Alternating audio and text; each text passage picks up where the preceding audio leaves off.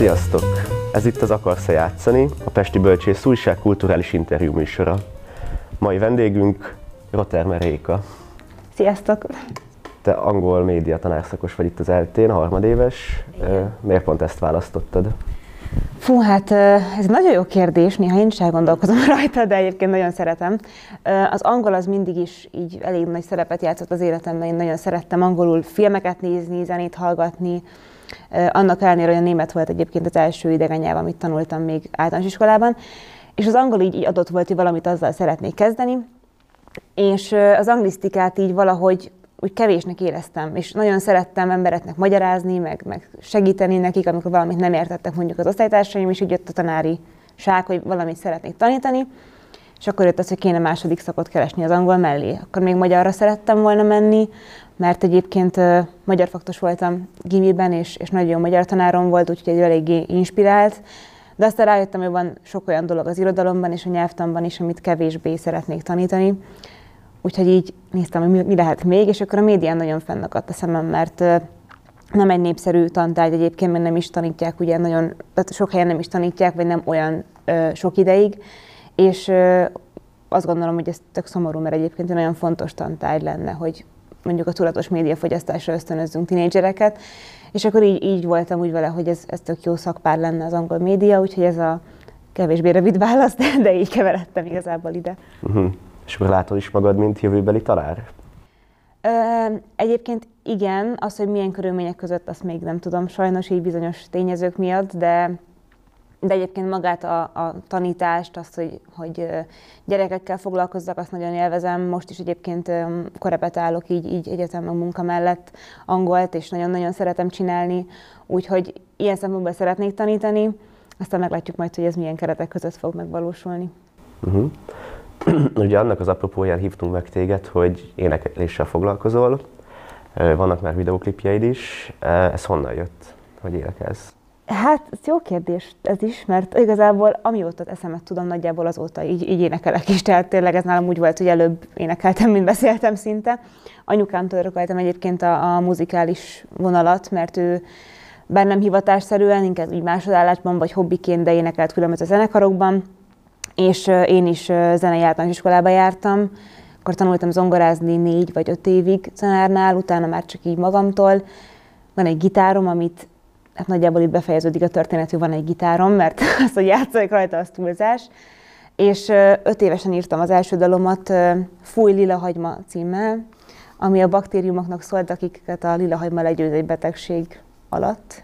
Azóta egy kicsit azt érzem, hogy fejlődött a szövegírásom, még mindig van hol, de azért ez már egy szintlépés volt. Úgyhogy tényleg így mindig is benne volt a zene az életemben, és ez a projekt, ami még elég kezdetleges, tavaly indult útjára Ré néven. Ez, ez tavaly évelején kezdett el úgy kialakulni, és, és igazából ez most már kicsit egy más irányzat, de, de mondom, a zene az mindig is így itt volt. A média kapcsán említetted a tudatos média használatot. Te mennyire tudatosan használod a saját közösségi média felületeidet? Hát mondjuk úgymond brandépítés szempontjából, vagy úgy, mint, mint van a előadó, úgy, úgy lehetne egy kicsit tudatosabb, bevallom őszintén. Amikor megjelent az első dalom és klipem tavaly márciusban, 2021 márciusában, akkor előtte annak csináltam egy promót, azt így próbáltam beharangozni, illetve nyáron a, második klippet, a Viselgádot, azt, azt még inkább, ott már csináltam ilyen interaktív Instagram sztorikat, hogy kvíz kérdéseket tettem fel, azért az én ö, hallgató közönségem még a barátaimból áll nagy rész, tehát kevés olyan ember van, aki, aki ez úgy jutott volna el a, valamelyik dalom is a kettő közül, ami nyilvános, vagy kijött eddig, hogy, hogy ne ismert volna engem úgy egyébként máshonnan. Úgyhogy ezért igyekeztem így őket mozgósítani, meg ö, próbáltam a TikTokot is így picit bevetni, de Na, annyira azt még nem éreztem magaménak, pedig tudom, hogy ott is, is egyébként elég nagy népszerűségre lehet szert tenni, úgyhogy azt érzem, hogy van még mit fejleszteni rajta, de igyekszem azért így ezekkel a promókkal, meg néha-néha így interaktív dolgokkal ezt, ezt építeni. Nyilván ilyenkor nehezebb, amikor éppen mondjuk nincs aktualitás, ilyenkor is kellene talán ezzel többet foglalkoznom. Uh-huh. Ha már beszéltünk a dalszövegekről, itt azzal készültünk, hogy lefordítottuk a dalszövegedet Google fordítóban először kín, magyarról kínaira, aztán vissza magyarra, és akkor ez a kérdés, hogy, hogy felismered-e? Igen. Az első az úgy hangzik, hogy Remélem egyszer megtalálod egy másik embert, ember, férfi, és azzal érvelve, hogy szerelme akcióban, tágabb értelemben a magányod eltűnik. Ez, ez olyan vicces. Ez a Visegrádból volt. Eredetiben úgy hangzik, hogy remélem egyszer megtalálsz valakit, aki egy kicsit más ember, és tetten érve szeretetét kiterjeszte magányod elveszem. Így van. Ez nagyon egyszerű, szép magyar mondat egyébként. Így van. Itt, ugye itt van egy soráthajlás, ez nagyon érdekes, hogy ilyen előképzettséget, hogy hogyan kell dalszöveget, verset írni. Magyar faktus voltam a gimiben, és akkor én nagyon szerettem is írni. Akkor még volt egyszer-kétszer verseket, vagy inkább ilyen prózai szövegeket, meg, meg ilyen gimis írói pályázaton indultam hasonlók. És nagyon sokáig csak ilyen gondolatokat írtam, szóval nem kimondottan dalszövegeket, mondjuk. És amikor elkezdtem dalszöveget írni, akkor is angolul írtam eleinte, mert azt éreztem, hogy magyarul valahogy sokkal sebezhetőbb vagyok, mivel ez az anyanyelvem is. És ha az érzéseimről írok, akkor valahogy azt éreztem, hogy az angol ez egy ilyen burok, ami körbevesz, hogy, hogy nem, nem vagyok annyira sebezhető igazából, vagy hogy nem annyira nyílt a dolog. És akkor utána, amikor magyarul kezdtem el dalszöveget írni, akkor próbáltam összevonni a korábbi írói nem tudom, tapasztalatokkal vagy emlékekkel, úgyhogy hát talán ennyi így az ilyen gimis évekből, meg az, hogy érdekelt hobbiból. Uh-huh. Nézzük meg a másodikat. Úgy szól, hogy azt hittem, még tovább is csinálhatom, a lélegzetem egyre nagyobb. Úgyhogy pusziket dolzdal szöveg jutott eszembe, de biztos, hogy nem. Uh, Úristen, ez most tényleg, ú, gondolkozok. Lehet, hogy nem fogok rájönni, az létezik? De biztos rájössz. Igen, tudom, tudom, megvan. Ö, légzésem egyre szaporább, azt hittem, bírom még tovább. Így van. Jó, csak összeraktam, hogy miket is írtam korábban. Igen, de hát itt nehéz. Ú, nagyon vicces, tényleg. Nagyon jó. Uh-huh. És ö, volt még egy harmadik, Mutass valami újat, nem szeretem, ha unatkozol, nem vagyok többi akadály, ez átok és áldás. Gyere, mutass nekem újat, nem szeretem, ha untatsz. Már nincsen bennem gátlás, az átok egyben áldás. Igen, de hát itt nehéz, így van, így el van elég. Ez nagyon tetszett. Uh-huh. Ha médiás hallgatóként, ugye megkértünk, hogy válasz filmeket, itt a filmes vitrinből, te mit választottál? Két filmet választottam, mert nem tudtam dönteni közülük. Az egyik az Hitchcocknak a 39 lépcsőfoka, a másik egy picit más műfaj, ha valami Amerika, amit pedig Herendi Gábor rendezett. Megindoklom, hogy miért választottam ezt a két filmet. A 39 lépcsőfok az egy thriller, és egyébként szabadidőmben sokkal kevésbé nézek így régebbi filmeket, általában a kötelező filmek kapcsán jönnek egyébként elő, és a 39 lépcsőfok is egy ilyen film volt, amit egyik kurzusomra kötelező megtekintendő film volt. De nagyon tetszett, én nagyon szeretem egyébként a thrillereket, illetve ez a film, ez 35-ös, amikor az én drága nagymamám született, és sajnos már nincs velünk, de ilyenkor mindig visszagondolok, hogy úristen, hogy hogy mi történt akkor, hát az nem ma volt, amikor az én mamám született, és hogy, hogy akkor már ilyen filmeket csináltak. Nyilván technikailag látszik azért, hogy nem olyan, mint a mai filmes világ, de hogy, hogy egyébként egy tök jól az film, és a története is szerintem érdekes, úgyhogy igazából ezt, ezt ezért választottam, amikor megláttam, akkor megörültem neki. A Valami Amerika az pedig Hát ugye ez kicsit későbbi film, mint 35, és ezzel kapcsolatban pedig annyi a, a történet, hogy, hogy szerettem a Valami Amerika filmeket, és gyerek voltam, mikor ezek készültek, és hát vissza, felnőtt fejjel visszagondolva, akkor nem, nem gyereknek való filmek voltak, és most nem tudom, hogy cenzúrázatlanul lehet-e beszélni itt, de majd legfeljebb kisipoljátok, hogy a Valami Amerika kettőben egyébként van a Rendőrök és a kurvák című jelenet és dal, és én előszeretettel énekeltem 11 évesen általános iskolában, hogy, és egy ilyen nagyon ilyen szexuális töltető dalt, amit akkor nem értettem. De mindegy, mert de egyébként nagyon szeretem egy a sztoriát, és szerintem egyik legjobb magyar film és vigyáték a Valami Amerika. Úgyhogy ezért választottam őket. A, mielőtt a médiás képzésre jöttél volna, azelőtt is néztél ilyen úgymond nehéz filmeket? Hát úgy, ahogy igen, de, de általában azokat, amik éppen aktuálisak voltak, de mondjuk a, a ilyen thrillereket, vagy, vagy komolyabb filmeket akkor is szerettem, tehát nem csak az ilyen limonádékat nézni, de, de bevallom őszintén, hogy, hogy régi filmek közül kevésbé, inkább az, hogyha aktuálisan játszottak valamilyen filmet, ami, amiről hallottam, hogy jó, akkor elmentem megnézni, de itt vált inkább jellemzővé az, hogy így kicsit kitárult előttem ez a filmes paletta, és színesebbé vált. Uh-huh. És van olyan ö, úgymond nehéz film, amit nem tudtál végignézni, vagy nagyon rossz élmény volt? Ö, olyan, ami rossz élmény volt, olyan nincsen, tehát én minden filmben alapvetően egy pozitív embernek gondolom magamat, és mindig próbálom a dolgoknak a jó oldalát nézni, és amikor valaki így kimegy egy moziból, vagy ott így elkezd elkezdi szídni a filmet, hogy milyen borzasztó, akkor én mindig abba, abba gondolok bele, hogy mennyi időt tettek bele az alkotók, és mennyire rossz lehet, hogy negatív véleményt kapnak. A Tenet volt talán ilyen film, amit nem értettem meg elsőre, de szerintem ezzel sokan így vannak. Ö, aztán már annyira régen láttam azt is, vagy hát viszonylag régen, amikor kijött, hogy már nem is, hát újra kéne nézem szerintem megint vagy kétszer, hogy megértsem. De ilyen nem volt, amit, amit így kimondottan így ne tetszett volna, vagy nagyon rossz lett volna. Uh-huh. A, a zenében miből szoktál inspirálódni alkotásnál? Elsősorban a saját érzelmeimből, és talán ez egy negatívabb oldal, hogy hiába vagyok optimista, sokszor a negatív érzelmekből tudok legtöbbször inspirálódni, tehát volt egy időszak, mikor így tudtam, hogy kellene most írnom, vagy szeretnék valamit csinálni, de nem tudtam egyszerűen írni, mert boldog voltam. És akkor így nem akartam, nem tudtam úgy szomorú szöveget írni, még nem is akartam fetlen szomorú szöveget írni, de azt éreztem, hogy az ilyen vidám szövegek meg vagy nagyon klisések, vagy nem jönnek őszintén.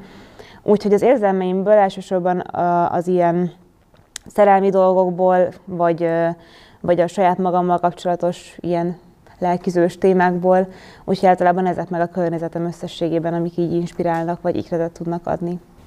Véletlenül az álmaidból nem szoktál inspirálódni? Az álmaimból, hát inkább úgy kötném össze, hogyha van egy gondolatmenet bennem, amiről írok, akkor lehet, hogy ez megjelenik az álmomban is. De... Azért kérdezem, ilyen al- al- alákérdezősen, mert hogy itt van velünk a Krúdinak a álmos könyve, és hogyha esetleg van olyan álmod, ami tartalmaz ilyen konkrét szimbólumokat, akkor esetleg azt kikereshetjük a, a, a katalógusból. Volt egy álmom gyerekként, ami visszatért nagyon-nagyon sokszor.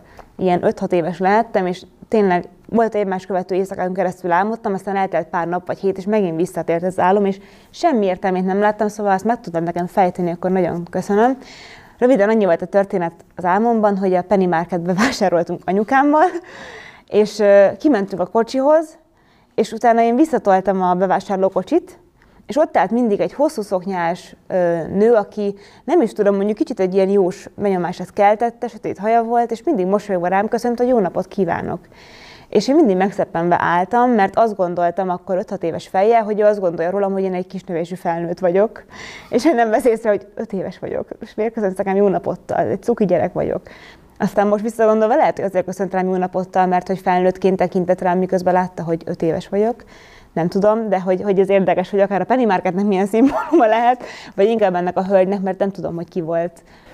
Uh, hát először a jóstőt próbálom megkeresni. Jó, igen, ezt könnyebb, könnyebb uh, Mert ugye ez a, ez a száz évvel ezelőtti könyv, úgyhogy nem biztos, hogy Penny Market benne van.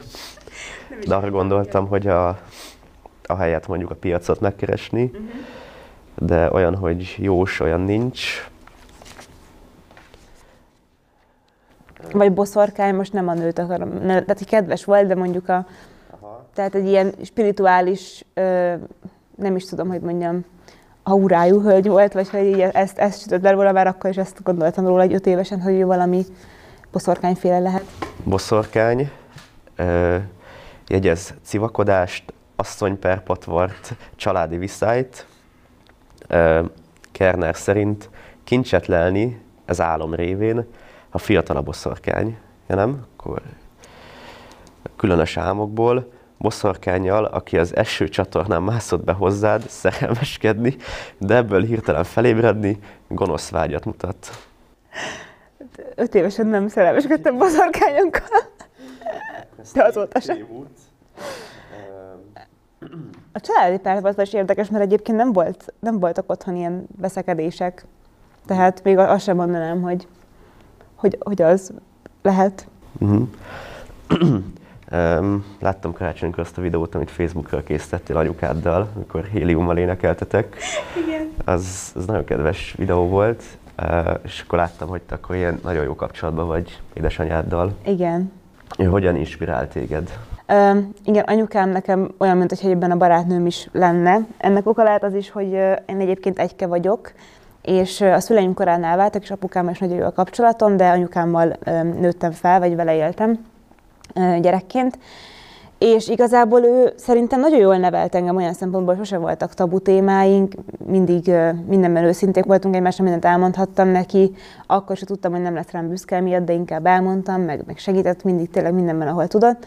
És szerintem ezek a tulajdonságok, amik kialakították ezt a szoros, meg, meg nagy jó viszonyt, ezek által tudok, tudok így belőle is inspirálódni, meg így a személyiségéből, meg abból, hogy egyébként ő nem elfogult, tehát nem az a fajta szülő, aki bíztat, de hogy nem az a fajta szülő, aki, aki mindennél megdicső, hogy fú, ez tök jó, hanem ő megmondja, hogy szerinte egy, egy szöveg nem jó, vagy, vagy hamisan éneklek, vagy valami nem passzol hozzám, akkor ezeket ő megmondja ilyen szempontból kritikus, de ennek örülök, hogy nem az van, hogy elfogult. Lehet, hogy az amiatt is van egyébként, hogy van közel zenéhez, amit említettem.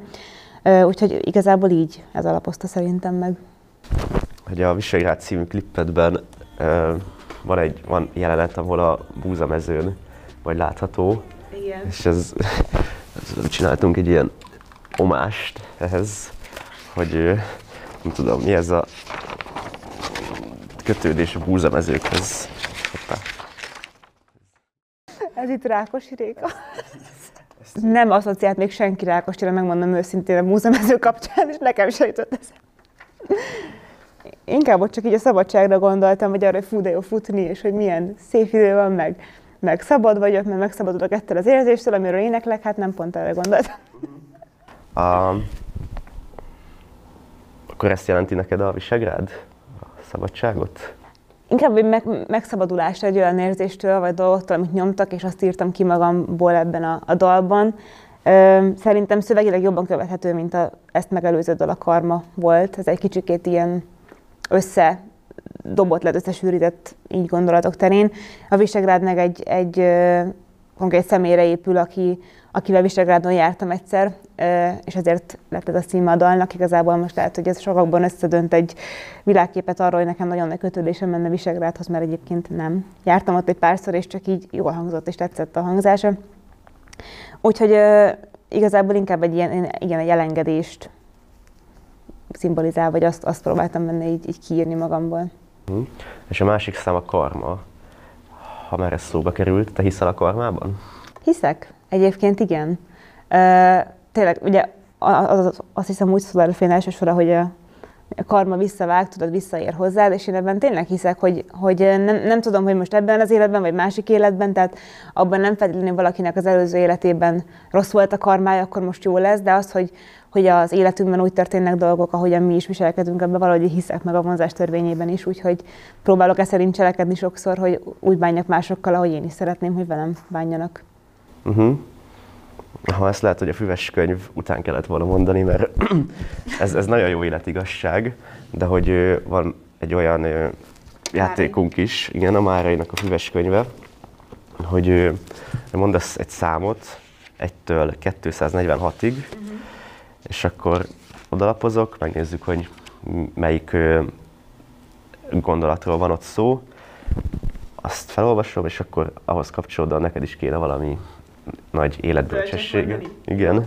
Réka Coelho. 29, ezt mondom akkor. Hát egészen sorsszerű, mert azt írja, hogy azokról, akik társaságban előadnak. És azt írja, hogy vigyáznunk kell társaságban azokra az emberekre, akik soha nem asztal szomszédjukhoz, hanem mindig az egész társasághoz beszélnek. Azt akarják, hogy minden szavukat minden jelenlévő hallja, és ugorján vigyáznak arra, hogy egyetlen szavuk se guruljon asztal alá, állandóan történeteket mesélnek, előadásokat tartanak, a maguk kiválóságának bizonyítására és a társaság elbűvölésére. Amikor elolvastam a címet, nem tudtam, hogy ez lesz, csak másra asszociáltam. Az előadásból, igen. Igen, mint, mint éneklés előadás, uh-huh. nem, nem a szószártyásságra, szóval uh-huh. no offense. Nem, nem, nem, nem úgy értettem. Az ilyen embereket nem kedvelik, és szívesen hívják társaságba, mert elfoglalják a jelenlévők eszméletét, érdekességet és néha jókedvű hangulatot nyújtanak az egybegyűlteknek, de ezek az emberek hamis proféták, nem az fontos nekik, amit mondanak, nem is az, hogy meggyőzzék azokat, akikhez beszélnek. Egyes egyedül saját hívúságuk kielégülése fontos nekik, az ilyen emberek társágát tanácsos gondosan elkerülni. Tudok rá egyébként reflektálni, mert tehát tudok beszélni, meg szeretek beszélni, ez igaz, de igyekszem visszafogni magam itt társaságban azért, hogy nem az a fajta ember vagyok szerintem, aki, akinek benne állna a szája, vagy ne kérdezne rá, hogy a másik hogy van, mert vannak ezek a fajta emberek, akik nagyon így csak magukról beszélnek. Én is szeretek beszélni magamról is, de hogy így, így ha társaságban vagyok, akkor érdekel az, hogy a társaságban lévő emberekkel mi a helyzet.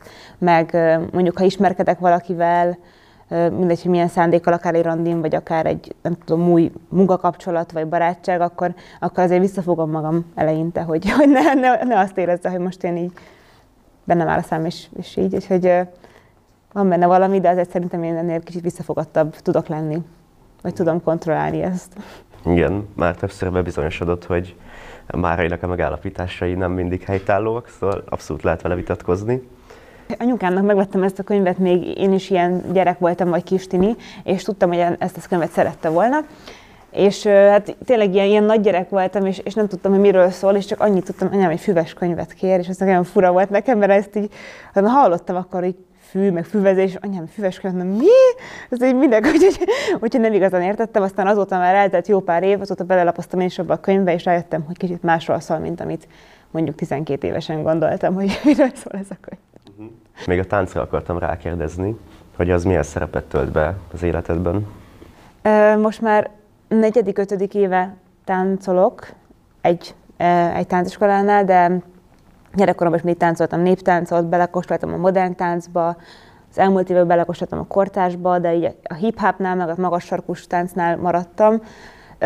Igazából egyre, hát nem is tudom, hogy mondjam, milyen hobbi szinten van meg, de nagyon szeretem a közösség miatt is, meg, meg tényleg kikapcsolódás, és most arra már ez is egy ilyen önkifejezési forma lett, mert régen még sokszor befeszültem, és arra figyeltem, hogy mondjuk a koreográfiát hogy tanuljam meg, vagy mit hogy kell csinálni, de most már sokkal inkább el tudom engedni magam benne, és sokszor az is, mint az írás, ilyen önkifejezési forma lett. Úgyhogy uh, ilyen szempontból fontos szerepet játszik az is az életemben. Szóval a klipjeidben is erősen megjelenik a tánc. Mi, hogy, hogyan találtátok ezt ki? Hát uh, a karvában vannak ugye ilyen kicsit ilyen kötetlenebb, meg akasztósabb kézmozdulatok. Két volt, három, egynek húsz, a szívem pedig megint a belváros fele húsz. Szemet hunnyak vagy bújjak, szeretném csak nézni, visszaszámolok, aki eltűnik, tényleg érti, tényleg érti. Ami igazából azért jött, mert mondott a háttérben egy üvegajtó, és jól nézett ki, hogy előtte legyen valami mozgás, úgyhogy igazából teljesen csak így improvizálva valamit ott mozogtam. A, a Visegrádban ott inkább ez a, ott a vízben van, van hogy így elvetődök a, a Dunában, meg, meg ugye az említett mezőn futkorászok. Igazából nem volt ilyen koreográfia, vagy ilyen megbeszélt dolog sosem, mindig csak úgy természetesen jöttek ezek a mozgások. Úgyhogy ilyen szempontból tényleg ilyen őszinte vagy spontán jelentek ezek meg benne. Uh-huh. A Visegrádban még feltűnt az a elkerülött smink. Az ott igazából sírtál, vagy azt hogy csináltátok? Egyébként nagyon-nagyon vicces volt, az unokatestvérem, Föli Kitty, egyébként fotózott is a, a klipforgatás alatt, és ő készítette a sminkemet, és akkor így kitalálták két srác, akik ötletettünk a klippen, Pálákos és Szén Benji, hogy hogy hát legyen egy ilyen elfolyt smink, mert mégiscsak egy végül is a szerelmi csalódás történet a Visegrád, és hogy akkor ez milyen drámai lenne. Az volt az eredeti terv, hogy a smink az így élőbe folyjon le, de ezt nem tudtuk megcsinálni, úgyhogy olyan gyorsan folyjon le a smink, és fú, rengeteg mindennel próbálkoztunk, hogy hogy folyatna el tényleg így olajat kentünk a szemem alá, étolajat, síkosítót, tényleg mindenfélét, hogy mivel folyik le jobban, és csak sehogy sem működött. És aztán igazából így külön megcsináltuk az elfolyt sminket, és és akkor ez így a, a drámai lezárás akart lenni ennek a történetnek, amit a klip is így, így, így létrehoz, vagy megjelenít. Az még nagyon vicces volt, hogy egyébként amikor az autós jeleneteket vettük fel, ahol az elfolyt swingben ülök, az a születésnapom előtti este volt, és pont ott voltunk évfélkor az elfolyt sminkkel, így pont így szálltam a kocsiba, és akkor, akkor ott évfélt az óra, és akkor ott felköszöntöttek, az olyan vicces volt. Uh, úgyhogy így ilyen szülinapom se volt még. úgyhogy ez egy jó, jó forgatás volt egyébként. Uh-huh. Nekem is megdobogtatta a szívemet az a klip. Tényleg? igen, szerintem igen, nagyon illik a, a dal meg a klip. Egyébként nagyon szeretem azt a klipet, vagy nagyon azt éreztem, hogy így rékásabb lett, vagy nem is tudom, hogy a karma elsőnek nem volt rossz, de nem éreztem azt, hogy teljesen az, amit még én szeretnék csinálni. Zeneileg sem, képvilág, képi világban sem, de tényleg így évekig ültem azon, hogy, hogy valamilyen zenét kiadjak, és aztán rájöttem, hogy mindig is lesznek negatív kommentek, és egyébként az építő jellegű negatív kommenteket én nagyon szívesen fogadom, tényleg bárkitől akár van köze zenéléshez, akár nincsen, mert azokból tudok építkezni, meg tanulni. Az ilyen fú de szar vagy jellegűeket, az, azzal nem tudok mit kezdeni, mert oké, okay, most akkor mondta, hogy hogy lehetne jobb. De aztán ültem vele, hogy valamit muszáj elkezdeni, meg kidobni, mert különben soha nem fog elkezdődni ez a zenei projekt, amit még régóta szerettem volna.